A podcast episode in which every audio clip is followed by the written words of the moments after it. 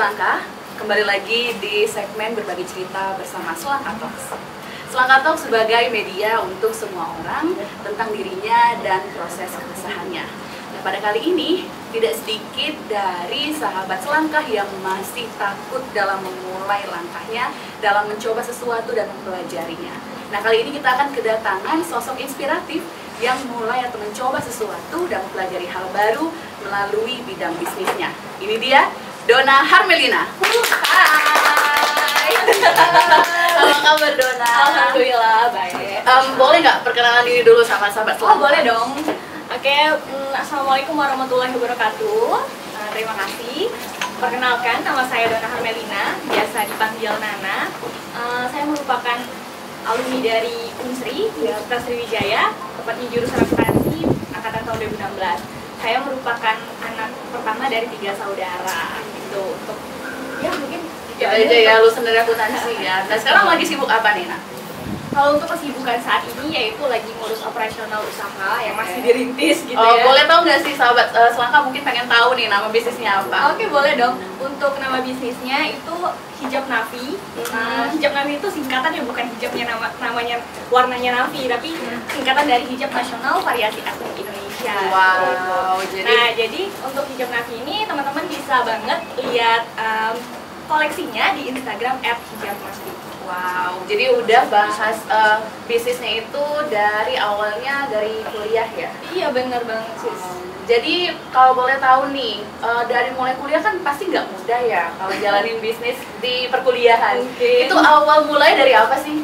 Waktu itu sih eh, awal aku ngerintis usaha itu tepatnya ta tahun 2017 Hmm. tahun 2017 gitu pas masih di semester 3 waktu itu Semester tiga. sekarang udah selesai Dan udah selesai ya. Itu kalau lama ya Kalau semester 3 tuh dari tahun berapa sih? itu 2017 2017. kita semester 3 18, eh, 19, 20, berarti udah 4 tahun masuk ke 4 tahun ini ya. seperti itu sih Dan eh, kalau misal boleh cerita sama sahabat selangkah, itu awalnya benar nih kenapa kepikiran buat jualan hijab ya awalnya ya. Oh ya, kalau mau kita sharing sedikit nama Dona ini panggil Nana ya. iya betul Jadi kalau sehari-hari panggil Nana. Jadi awal mulanya tuh karena ada alasan apa sih mau jualan?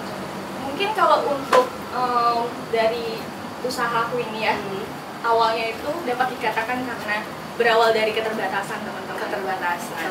Berarti bukan bukan karena ada sesuatu Kelebihan ya? modal bukan, ya. Emang keterbatasan kayak gimana sih? ya itu awalnya tuh sebenarnya pas dari masuk kuliah gitu Masuk kuliah. Cara- pada saat itu eh, benar-benar ngerasa apa ya semuanya tuh ngerasa terbatas banget pas-pasan banget dan eh, mungkin aku bisa cerita sharing langsung atau gimana nih Iya, langsung aja boleh cerita semuanya. Kayak kita pengen tahu nih sejarah juga sekalian ke gimana bentuk bisnisnya Nana sendiri. Jadi pada saat itu semuanya itu berawal dari ketika aku masuk kuliah itu tahun 2016 ya itu juga 2016. kuliahnya Iya, 2016 Kita sama-sama tahun 2016. Sama-sama nih. Mungkin ini yang ada di sama-sama angkatan 2016 Iya, dari gitu Unsur kan. Layu juga, Iya, kan? Ins- Unsur Layu juga. sama eh, apa perjuangannya Perjuangannya dari sama. PP-nya tuh gitu, Iya. lah ya Jadi awal mulanya dari jadi awal mulanya pada saat itu aku kan eh, selesai SMA itu dari tahun 2016 Hmm. pertengahan tahun 2016 pada saat itu aku lulus baru banget lulus SMA nih ya. Nah itu ketika pas kita ada SNM, SBM kayak gitu, Iya, kan. iya. nah pas SNM aku tuh nggak lolos gitu loh Ca. Hmm. karena apa? karena aku ngerasa padahal aku tuh udah expect besar banget itu pas di SNM aku lolos udah itu aku langsung masuk udah langsung pengen liburan udah udah dari situ. Udah dari situ eh nggak tahu nggak lolos. Dan itu pengumumannya hamin hamin satu perpisahan perpisahan Wow. SMA aku SMA enam waktu itu teman Oh. SMA enam di Palembang itu hamin satu dan teman-teman aku yang se- serombongan aku itu yang menurutku eh, kemampuannya itu sama kayak aku lolos semua dan aku ngerasa bener-bener insecure pada saat itu. Insecure parah Insecure ya? parah Bener. kok gue nggak lulus gitu ya aku nggak lulus ya kok temen aku yang ini lulus gitu jadi bener-bener kok kenapa ya kok aku bodoh banget padahal itu baru SNM loh ya gitu baru awal belum belum seberapa Belum sama seberapa, eh, kehidupan sekarang kan. ketika aku berekspektasi besar dan itu tidak terwujud ngerasanya sakit banget kan Sakit Serius, banget ya. itu. nah terus aku tes SBM alhamdulillah lolos nah SBM itu aku lolosnya di dua tempat di Poltek sama di Unsri dan ya. you know uh, per- bukan permainan sih memang mungkin sistemnya duluan pengumuman Poltek ya dari pengumuman Unsri waktu itu pengumuman Poltek duluan terus aku dinyatakan lolos di situ tapi bukan dengan jurusan yang aku benar-benar inginkan gitu. Apa ya waktu itu administrasi bisnis kalau nggak salah. Padahal aku tuh pengen banget ke akuntansi gitu ya. Nah udah dari situ lolos lah di Poltek langsung dibayar tuh. Langsung dibayar oleh orang tua. dan ben- pada saat itu juga kebetulan pas banget aku tiga saudara itu bersamaan masuk sekolah. Aku masuk kuliah adekku yang pertama masuk SMP yang satunya masuk SD kayak gitu. Berarti Jadi, sama-sama ah, pengeluaran tuh udah ah, besar ah, banget. pas tahun itu pengeluaran keluarga tuh keluarga aku memang udah terbagi kayak gitu kan Nana masuk ini adikku masuk ini ini. Udah kebagi gitu dan aku udah dibayarin itu di Poltek pada saat itu dan aku udah bayar. Eh dua hari selanjutnya atau seminggu sesudah itu pengumuman tuh Unsri dan tidak disangka aku lolos di situ. Ya gimana sih ketika kita ingin menginginkan satu jurusan itu tapi nggak kita ambil? Iya. tapi yang di satunya udah dibayar Udah dibayar. dibayar. mah ya. Terus aku bilang mah pak aku mau ngambil yang ini. Kamu gimana sih? Kan udah dibayar yang ini Dimarahin tuh pasti. iya, dimarahin dulu itu. Terus aku bilang tapi aku pengen yang ini aku tuh sekolah aku les segala macam tuh aku pernah dapet yang ini loh gitu. Tolong aku pengen ngambil yang ini. Ya gimana nah uangnya tuh nggak ada lagi. Oke. uangnya udah dibayar ke sini. Kan kamu tahu keadaan pada saat itu lagi udah kebagi semua lagi butuh banget dan gitu. Dan aku bilang tolong dong usahain yang ini ikut verifikasi UKT dulu gitu kan. Oh. sampai eh, papa aku tuh kalau mama aku tuh orangnya apa ya eh, mungkin sangat disiplin gitu kan. Kalau dia bilang enggak enggak gitu. Kalau dia bilang iya iya tapi kalau papa aku benar-benar sangat mengerti mungkin mengerti kepada aku gitu kan. Ya pada saat itu papa aku bilang dan situ aku disidang dulu cak pada saat itu. Di sidangnya tuh gini benar-benar di sidang orang tua aku berdua aku sendirian di tengah-tengah mereka.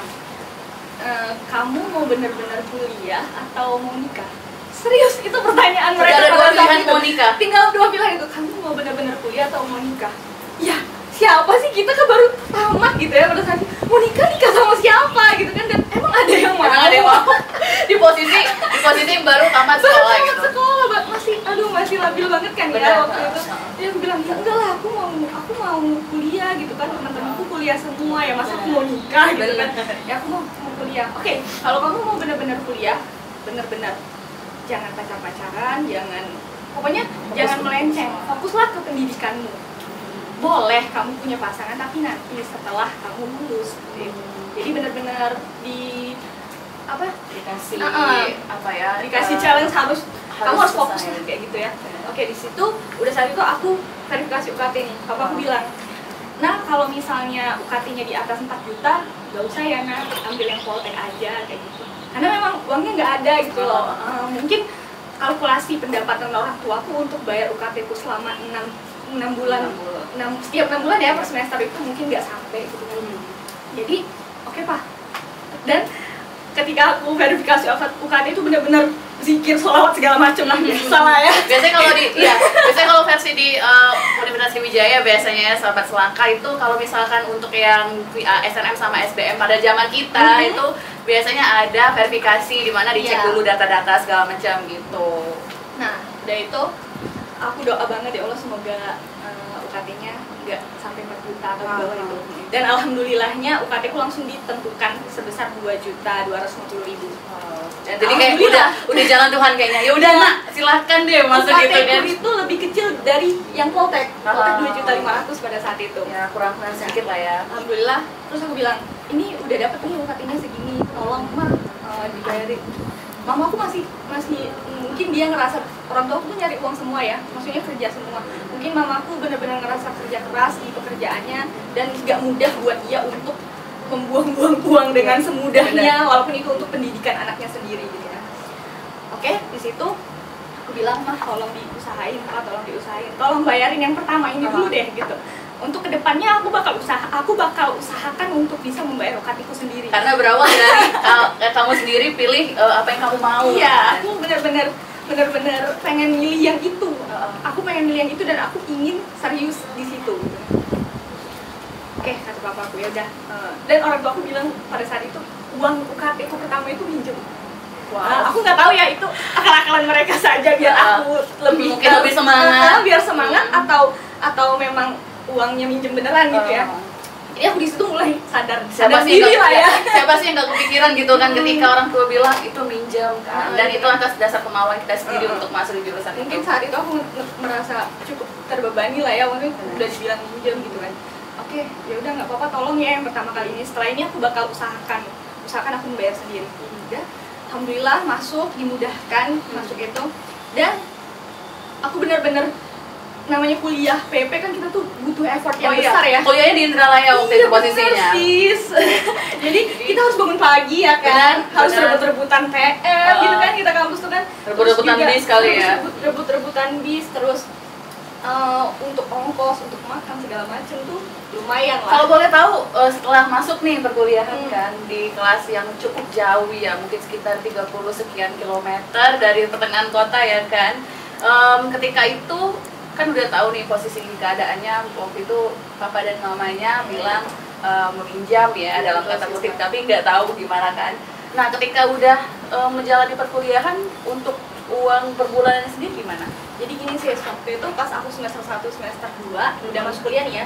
Aku benar-benar dikasih uangnya tuh, Ica berapa nih? Coba kita kita sharing-sharing aja. Oke, oke. Tapi- sekitar berapa gitu ya? Teman-teman berapa juga ya? pasti ada lah ya uang tapi bulanan. tapi biasanya kalau anak-anak kuliahan kita sih nggak tahu ya kalau Hmm. misalkan di anak-anak perkuliahan sekarang ya.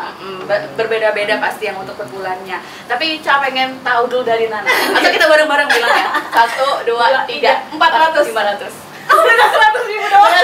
Ribu ya Berarti, wah, kayaknya Berarti- benar-benar seperjuangan nih. Iya, jadi jadi ibarat kan eh, cuman beda seratus ribu aja kan. Dan posisi itu gimana sih? Coba coba Nana cerita. gimana rasanya kalau dari Ica sendiri jadi Eh, jangan lain. menurutku saat itu aku ngerasa miris sih untuk diriku sendiri ya. Aku ngerasa miris karena 400. kenapa?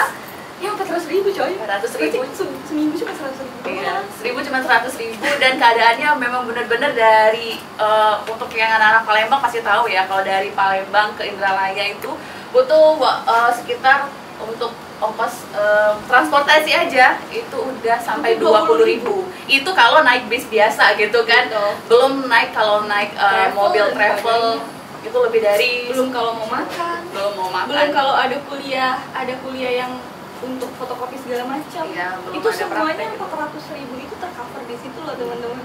Jadi aku ngerasa miris sih pada saat itu. Dan aku ngerasa dan teman-teman aku pada saat itu em, makan di kantin gitu kan. Ya aku kayak gitu. Gimana sih? Gimana rasanya dapat 400 ribu ketemu teman-teman? Ya menahan diri. Menahan diri. Menahan diri ketika teman-teman ya nah kita ke ini dulu aku menahan diri itu semester 1 semester 2 ya Semester aku kerasa banget jadi aku masih idealis banget pada saat itu jadi mahasiswa kupu-kupu Hmm. kuliah kuliah pulang kuliah pulang karena aku ngerasa itu pas-pasan banget nggak sih cak Benar. Ya kan? Gak ada kepikiran untuk untuk bisnis sekarang ya. Belum, belum ada kepikiran. Nah, gongnya ketika Nana bilang oke aku harus eh, 400 ribu ini kayaknya nggak cukup untuk sehari-hari aku apa yang Nana lakuin ketika itu?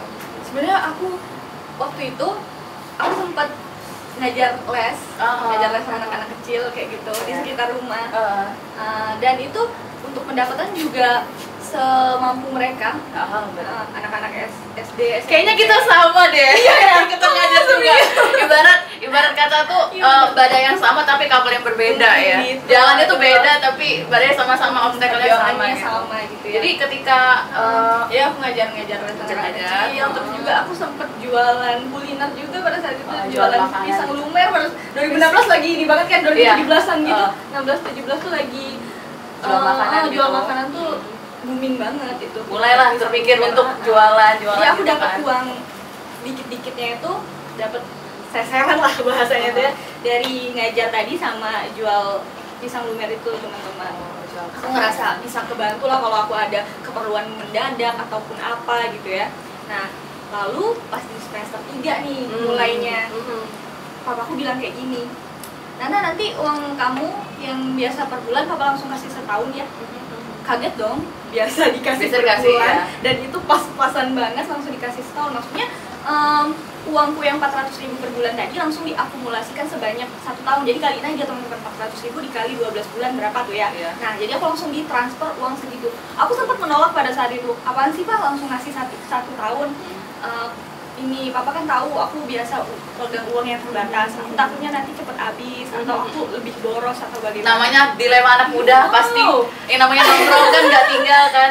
Bener nongkrong. Terus kalau Jadi kata barang yang pengen dibeli gitu Uh, kan. jadi kata papa, papa gimana? Terus papaku bilang gini "Em, kamu ya nggak apa-apa ini buat kamu.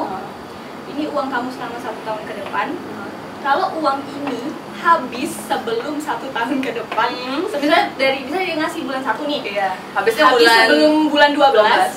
kamu tanggung sendiri dan apabila uang ini dia udah ngode nih Ah. apabila uang ini kamu mau jadiin modal bisnis atau apa kamu dapat keuntungan dari hasil jualan atau bisnis kamu itu papa tidak minta sepeser pun dari itu berarti udah ada kosakata mulai Ah. bisnis ya aku masih diem pada saat itu dan Ah. Dia ngode lagi. Kamu sampai kapan sih mau belajar teori? Kamu anak ekonomi kan? Kapan mau praktek lapangan? A- apa mau nunggu setelah lulus dulu? Aku tertampar di situ. Merasa Tiba-tiba langsung kayak- merasa tertampar Oh, bener, bener, itu bener, bener. wow bener banget ya gitu ada benernya nih omongan papaku pada saat itu? Papa kamu udah ngasih clue ya? Itu itu hebatnya seorang itu hebatnya Seorang seorang orang tua ya udah Ya, aku mikir di situ yang pertama yang aku menolak akhirnya aku terima. Oke pak. Uh, aku bakal benar-benar uh, gunain uang ini dengan baik gitu. Dan di situlah pas awal-awal sebenarnya lo belum aku, aku belum mikir mau bisnis apa? Belum cak. Aku masih gunain uang itu awal-awal tuh aku boros. Hmm. pas awal-awal tuh aku gunain dulu. Beli nih ini bagus nih beli gitu. Ngerasa ada uang Masa, tadi di ma- dalam masih ATM masih foya-foya gitu kan? Masih ada uang Oh, di dalam bener, ATM bener. Wih, ada nih aku uangnya beli beli Oh. gitu dan akhirnya aku ngerasa uang itu kok cepet banget berkurangnya ya kayak air mengalir aja gitu loh jadi aku mikir wah kalau gini nggak bener nih Ah, bener. Ba- bakal nggak sampai satu tahun nih Ah. aku mau ngebiayain hidupku dari mana lagi, mana lagi, Nah, bener. itu jadi aku mikir oh kayaknya bener kayak kata papaku aku harus bisnis Oh. bisnis apa ya mikir aku tuh mikir mikir keras pada mikir, saat itu ha. bisnis apa ya aduh pusing juga. Aku mulai cari tahu aku suka ngapain sih? Aku suka beli apa ya? Yang selama ini uangku tuh banyak habis di mana ya? Gitu. Aku ternyata setelah aku nilai di diriku aku seneng banget teman-teman beli hijab. Mhm. hijab kayak gini Mhm. seneng banget. Aku beli hijab itu bukan satu kalau sekali beli langsung lima Wow. bukan apa ya Tiba-tiba- gitu yang belanjaan ya? iya itu hijab bukan baju aku Iya. beli hijab aja Oh. beli hijab tuh kalau aku suka aku beli Biasanya problematika cewek-cewek hijab tuh nggak apa-apa bajunya sama, Iya, kalau penting bajunya ya beda, warnanya beda. motifnya beda, bener, berasa udah percaya diri banget lah kan. Bener, Kalau bener, kayak bener. gitu.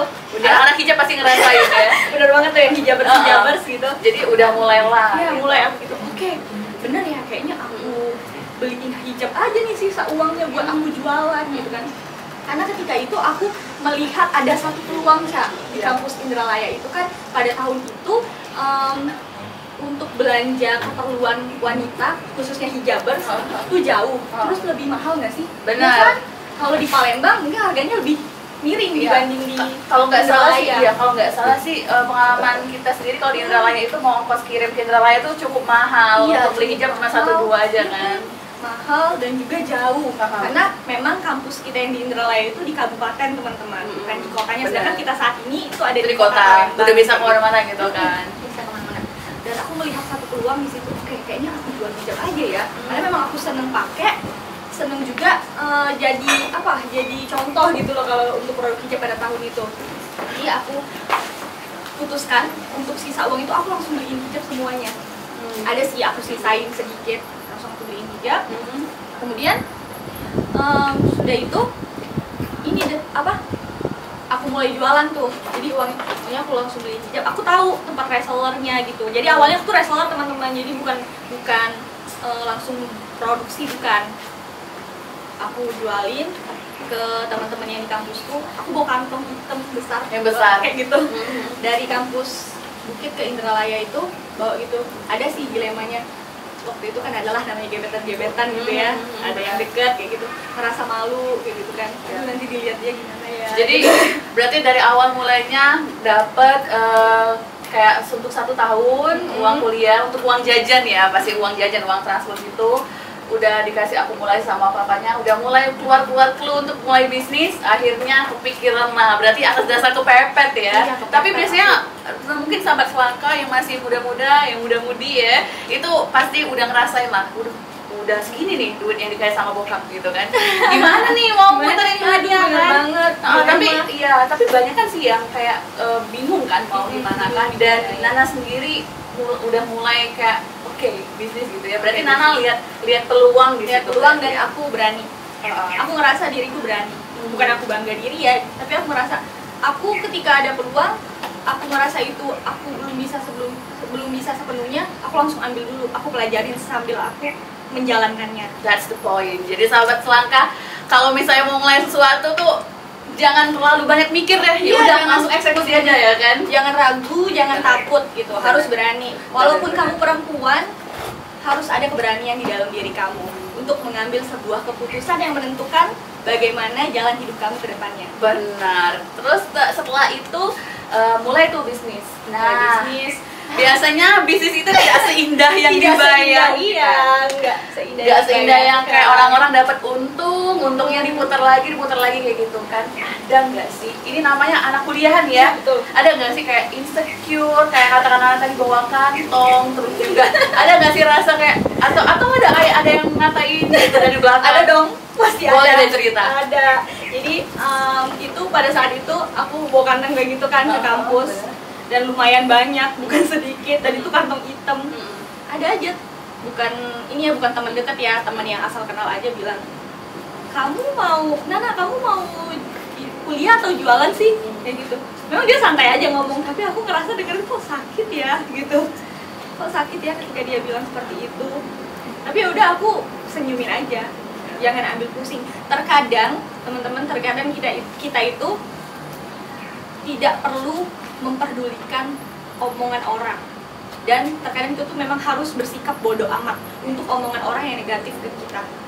Dan aku eh, ketika itu aku merasa sakit hatiku sakit ya sakit. Tapi aku ya udah nggak bodoh amat lah. Lu juga nggak bayarin kuliah aku kamu juga nggak bayar ngasih uang jajan ke aku kan enggak.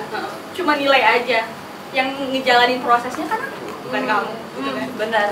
Jadi kak jadi selama itu ya udahlah jalanin aja ya. Yang penting ya ya bodoh amat sama orang lain. Bodo amat lah, benar benar kita harus bersikap bodoh amat. Itu itu yang penting. Jadi yang udah jangan mikirin yang hal yang lain. Bodoh amat aja deh. Mau bilang apa yang penting yang udah lakuin tuh Mm-mm. dilakuin aja gitu ketika kan. kamu melakukan hal-hal yang positif dan itu di jalan yang benar Hmm. dan yang kamu cari itu ya dari bisnis yang halal kenapa takut sih? Hmm. Maju aja terus sambil belajar. Benar. pasti kita bisa kok. Yakin aja. Intinya semua itu teman-teman berawal dari pikiran berawal dari mindset kita. Karena Berawal apa? mindset kita itu cak pikiran kita tuh berperan besar banget untuk kehidupan kita. Mindset pikiran positif ya terutama pikiran yang positif. Jangan pikiran negatif. Karena pikiran positif akan berpengaruh ke tindakan atau cara kita. Hmm. Nah terus cara kita itu bakal berpengaruh ke perilaku yang kita lakukan. Benar. Perilaku itu akan mempengaruhi kebiasaan atau habit kita sehari-hari. Dan kalian tahu habit atau kebiasaan, kita Kebiasaan. sehari-hari itu sebagai penentu nasib baik yang akan kita terima di kemudian hari. Benar. Selalu positive vibes ya. Bodoh amat sama orang lain positive vibes terus aja lanjut aja. Nih itu yang banyak yang nyinyir nyinyir ya kan sekarang ada nggak sih fase-fase Nana tuh kayak "Aduh, udah deh aku mau selesai sama bisnis ini udah capek. Ada mungkin bosen. Pasti ada lah kayak namanya bisnis itu bosen masa-masa downnya ada nggak itu gimana ngatasinnya? Ya benar banget. Namanya kita manusia ya. Em, manusiawi aja.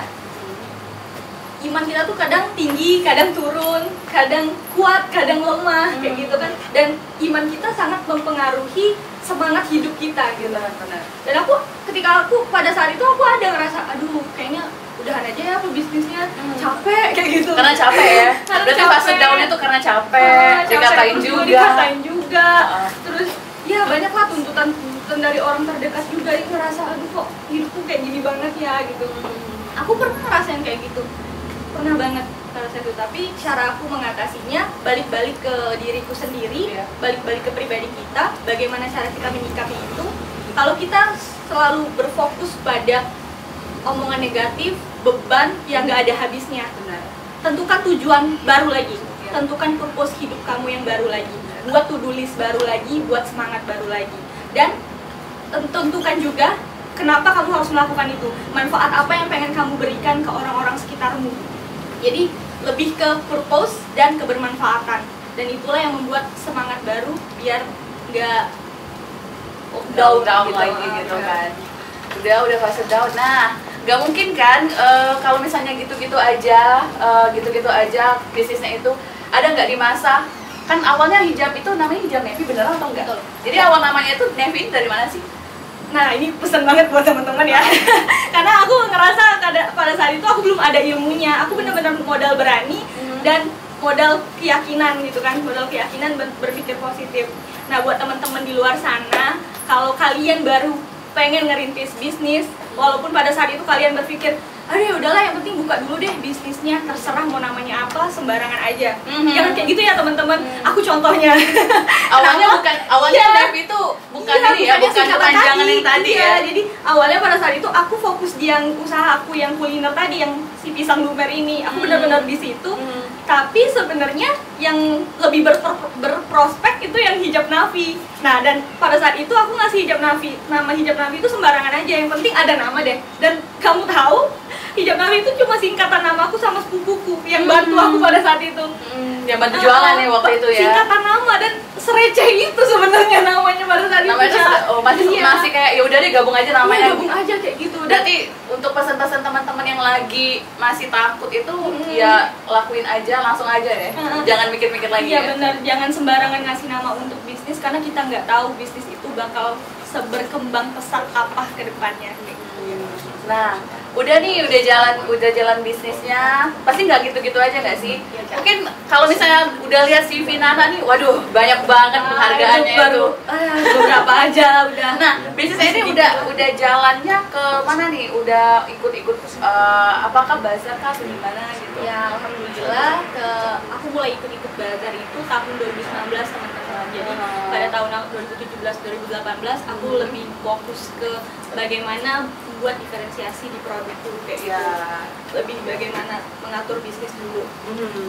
di tahun 2019 aku udah mulai ikut ekspansi lah ya bisa dikatakan itu hmm. ikut pameran di dalam kota maupun di luar kota juga hmm. kemudian aku mulai ikut beasiswa yang memang um, memberikan apa pelatihan ke teman-teman mahasiswa khususnya mahasiswa wirausaha di kampus kayak gitu. Udah ikut-ikut kayak gitu. Dan alhamdulillah teman-teman juga yang di luar kota sedikit banyak ada yang tahu kayak gitu. Oh, jadi gara-gara bisnis itu bukan hanya meraup keuntungan Betul. tapi bisa dapat beasiswa ternyata. Benar teman-teman. Ya sedikit sekedar info ya. Yeah. jadi teman-teman untuk teman-teman yang pengen mulai bisnis jangan takut terkendala di modal karena modal itu tergantung di diri kamu. Diri hmm. kamu itu modalnya loh gitu. hmm, gitu bener. Tepuk tangan dulu dong ya di belakang sendiri iya, dulu modal tuh ya. nggak ada yang namanya modalnya gitu loh. Berawal dari 400 ribu per bulan. Iya, berawal dari 400 ribu per bulan. Dan intinya harus ada kemauan. Kalau hmm. kamu ada kemauan di dalam diri kamu pasti berpikir gimana aku harus merealisasikan ini. Benar. gitu kan ya harus ada kemauan dulu dalam diri kamu dan banyak banget sekarang program-program pemerintah, program swasta, terus juga yayasan-yayasan foundation yang memang sangat mendukung mahasiswa wirausaha catet nih untuk mahasiswa-mahasiswa ya. ya di sahabat selangka ya. Jadi banyak yang mendukung ya namanya kalau misalnya pribadi mau maju ya udah lakuin hmm, aja lakuin gitu aja, kan. berani, ada kemauan, ada hmm. keinginan untuk merubah diri jadi lebih baik dari sebelumnya gitu. Jadi jadi setelah sekian lama ini dari berawal 400 ribu per bulan sampai uh, dapat bisnisnya jam Nevi dan berhasil sekarang boleh uh, di spell, di spell sedikit nama Instagram hijab Nevi-nya apa? untuk nama Instagram hijab Nafi ya at hijab NAVY hmm, boleh deh langsung ya sahabat oh. selangkah tunjukin dia jangan follow nanti di fallback deh sama artinya bener-bener nah ngomong-ngomong nih uh, sekali lagi um, ini kan udah udah bisnisnya udah lancar segala macam kan. Nah, alhamdulillah sekarang dari 400 ribu itu udah berkembang pesat ya dan udah udah masuk terin terus lancar. Udah masuk tahun keempat dan pastinya banyak sih sahabat-sahabat selangkah yang kayaknya wah pengen nih mulai bisnis tapi masih insecure, masih takut banget kan namanya mau sesuatu, namanya anak muda, masih problematika dan mikirnya tuh overthinkingnya tuh overthinkingnya masih keterlaluan ya karena pesan Nana sendiri nih untuk sahabat selangkah tuh? Oke, untuk sahabat selangkah, khususnya teman-teman yang memang ada keinginan dan kemauan yang besar untuk mulai usahanya, untuk merintis bisnisnya, Mhm. jangan takut. Jangan takut. Kuncinya jangan takut, Mhm. harus ada kemauan yang besar, Mhm. harus selalu belajar, harus selalu bisa em, berbaur dengan orang lain karena lewat orang lain itu kita dapat dapat insight yang mungkin bisa me- mengembangkan diri kita gitu loh. Hmm. Nah, terus juga buat teman-teman yang pengen banget em, mulai usahanya, Mhm. teman-teman itu harus yakin di, di dalam diri teman-teman itu pasti ada sebuah kelebihan. Karena nggak ada manusia di dunia ini yang diciptakan oleh Al- Allah dengan banyak kekurangan tanpa ada kelebihan di dalam dirinya. Dan begitupun sebaliknya tidak ada tidak ada satu orang pun di dunia ini yang diberikan banyak kelebihan tanpa ada kekurangan yang ada di dalam dirinya. Nah jadi tetap percaya diri dengan banyaknya ke- kekurangan dalam diri kamu dan tetap rendah hati dengan kelebihan yang ada di dalam diri kamu gitu Hmm, boleh deh semangat lagi. ada quotes yang Ada tadi quotes juga. apa? Eh, Quotes terakhir nih, ini nih quotes terakhir ditunggu-tunggu sama selangkah yang pastinya. intinya teman-teman teman-teman tuh harus learn from the best work with the best do the best pray for the best expect the best miracle happen Wow. Ini salah satu sosok inspiratif yang ternyata memiliki pengalaman mulai dari kuliah ya. Ternyata anak-anak kuliah tuh nggak perlu takut untuk Nggak perlu memulai takut. sesuatu. Jadi berani benar. Jadi kita mau mengucapin makasih banyak dulu sama Nana hari ini juga yang buat udah teman-teman yang udah Eh, yang ya, ya, yang udah undang sharing. khususnya yang tim hore ya tim yang bekerja kelas hari ini thank you so Iya, much jadi kali ini sangat eh, mungkin dari sepenggal cerita ini bisa menjadi inspirasi bagi se- seluruh sahabat selangkah gitu ya untuk memulai suatu bisnis gitu kan. Nggak ada lagi namanya mau mikir dulu aduh gimana sih Iya. caranya mau mulai bisnis? Apalagi mau mulai sesuatu. Nggak usah ke bisnis mungkin kalau bisnis jauh ya. Dari ambil langkah kecilnya aja mau belajar gitu kan atau mau mau mencoba masih mau mikir aduh gimana sih caranya? Apa masih banyak kesulitan atau ada orang-orang lain yang sering membuat eh, toxic gitu kan Asli, biasanya. ada ada yang kayak jadi kalau dari kesimpulan eh, pembicaraan kita kali ini adalah jangan takut untuk memulai untuk eh, sahabat-sahabat selangkah apalagi yang masih muda. Dan kedua menjadi orang yang sangat positif ya pastinya ya tidak ada yang namanya makhluk atau eh, manusia yang diciptakan eh, yang mempunyai banyak kekurangan tapi tidak ada kelebihan begitu dengan sebaliknya seperti itu. Dan kita akhiri dulu ya selangkah talks hari ini. Thank you Oke. Nana kita buat ya Iya. kita ada tagline dari selangkah talks. Jadi kalau bilang selangkah talks selangkah dulu melangkah maju. Oke, bisa ya Nana? kita tutup ya kali ini. Bye bye selangkah talks. Selangkah dulu melangkah maju. Dadah